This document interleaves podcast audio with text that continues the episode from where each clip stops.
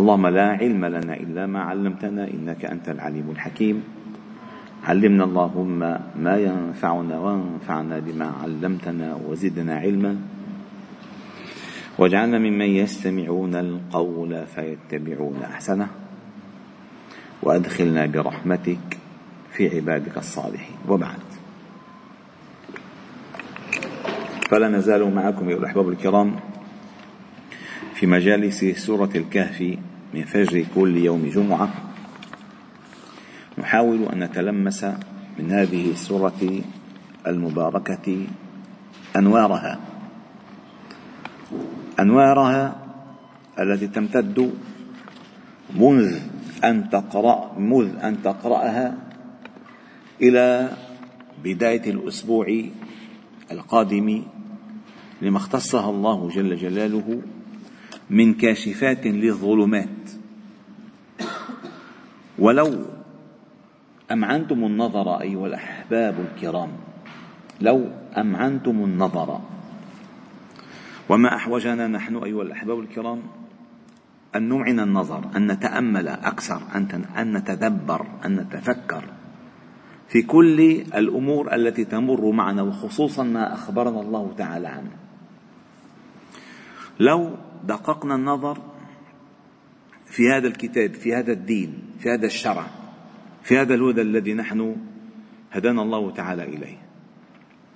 لوجدنا أن المقصد الأكبر المقصد الأكبر منه المقصد الأكبر منه الهدف الأسمى منه هو إخراجك أنت أيها الإنسان من الظلمات إلى النور.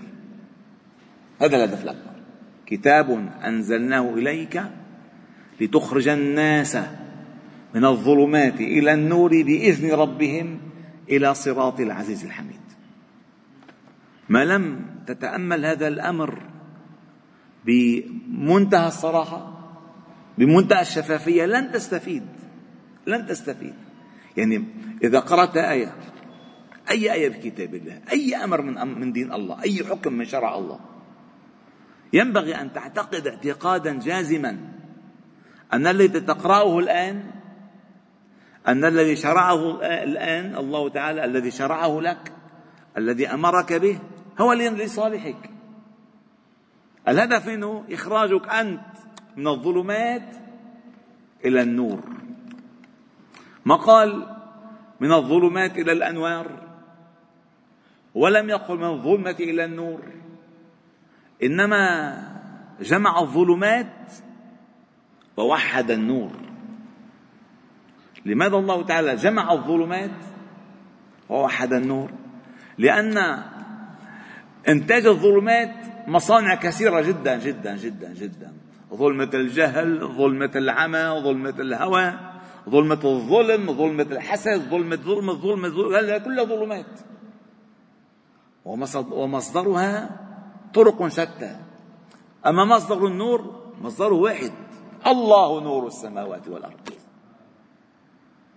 لذلك عندما تقرأ القرآن على هذا الأساس وتعلم أنت الآن ستسمع آية فيها إخراجك من الظلمات إلى النور. تستفيد فورا فورا. الله يقول في كتابه الله ولي الذين آمنوا. يخرجهم من الظلمات إلى النور. والذين كفروا أولياؤهم الطاغوت يخرجونهم من النور إلى الظلمات. فالفائدة حتى يستفيد الإنسان استفادة حقيقية ينبغي أن تعلم أن ما تسمعه ما تقرأه أن ما تسمعه أن ما تقرأه أن ما أمر الله تعالى به أن ما حكم الله تعالى به هو لصالحك مشان تطلع أنت من الظلمات إلى النور. وما أجمل هذه الآية التي تخص يوم الجمعة. هو الذي يصلي عليكم وملائكته ليخرجكم من الظلمات إلى النور. يا الله. ومن صلى علي مرة مرة صلى الله تعالى عليه بها عشرة. عشرة. فإذا آه، آه، لما نقرأ سورة الكهف نريد أن نتلمس من خلالها الأنوار. فالله جل جلاله أنزلها بحكمه والنبي صلى الله عليه وسلم أخبرنا أنه من قرأها يوم الجمعة جعل الله له نورا إلى الجمعة القادمة. يعني جعل الله له نورا يعني عنده كشافات يكشف من خلال قراءتها كل الظلمات. ما حيرتطم بشيء لن يسقط بأي حفرة. عادة الإنسان إذا مشي بطريق لا يعرف لا يعرف فيها ظلمة. فإما أن ترتطم بشجرة وإما أن تسقط بحفرة صحيح ولا لا؟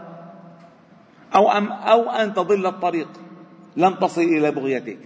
الله تعالى عندما جعل هذه السورة النبي صلى الله عليه وسلم أخبرنا معلما مرشدا هاديا أن قراءتها لن تجعلك ترتطم بشيء. لن تجعلك تسقط في أي شيء. لن تجعلك تضل, تضل طريقك. على شرط يكون يقينك أنك تقرأها لتخرج من الظلمات إلى النور. أما إذا قرأت معودين نقرأ يوم الجمعة حلوة يوم الجمعة. لا ما يكون المقصود لن تستفيد. بدك دائما تجدد تجدد.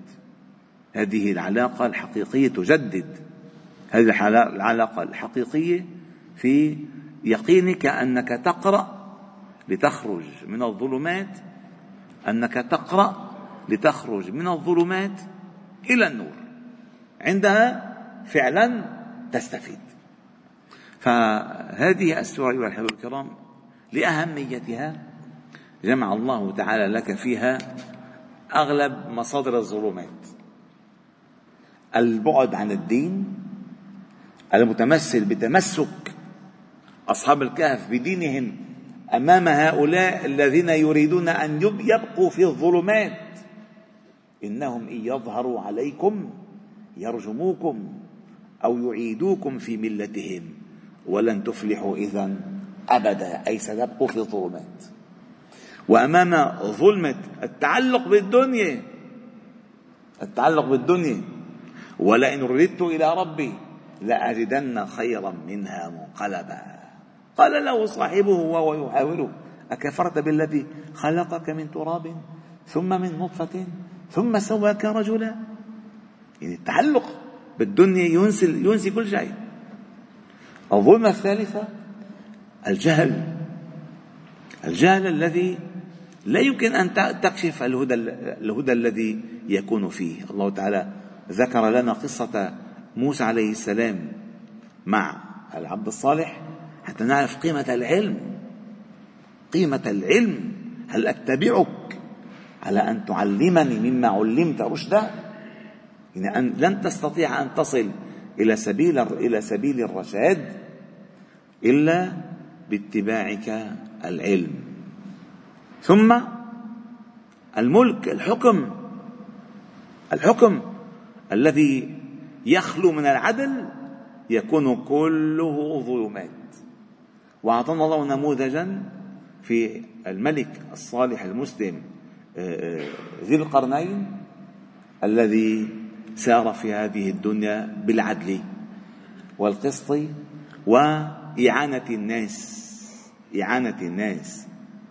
لذلك هذه السورة فعلا من الأهمية بمكان مما يجعلها من السور المهمة جدا وهي سورة مكية كما تعلمون وسورة سبقت سورة مريم ولحقت سورة الإسراء وسورة الإسراء فيها قصة بني إسرائيل وعلوهم في الأرض في أولها أي في أول زمانهم وفي آخر زمانهم. ومريم عليه السلام قصة سورة مريم في ولادة عيسى عليه السلام وأن الله جل جلاله جعله مباركا. أينما كنت وأوصاني بالصلاة والزكاة ما دمت حيا وبرا بوالدتي ولم يجعلني جبارا شقيا. والسلام علي يوم ولدت ويوم أموت ويوم أبعث حيا. وبما أن هذه السورة هي التي تعصم تعصم من فتنة الدجال وهي التي هي أعظم فتنة. وبما أن بني إسرائيل ملكهم الدجال فتأتي عندما تنتهي من سورة الإسراء تقرأ سورة الكهف فتعصم. وعندما تقرأ سورة مريم تذكر أن عيسى عليه السلام هو الذي سينزله الله في آخر الزمان حكما قسطا عدلا وتكون نهاية الدجال على يديه. فبتحس بتحس أنت الآن في عالم من النور في عالم من الهدى في تحصين من الظلمات. صلى الله عز وجل لي ولكم العصمة من الفتن ما ظهر منها وما بطن وأن يخرجنا الله تعالى من الظلمات إلى النور بإذنه وأن يهدينا إلى صراطه المستقيم. والحمد لله رب العالمين. سبحانك وبحمدك نشهد أن لا إله إلا أنت. نستغفرك ونتوب إليك. وصلي وسلم وبارك على محمد وعلى آله وأصحابه أجمعين. الحمد لله رب العالمين.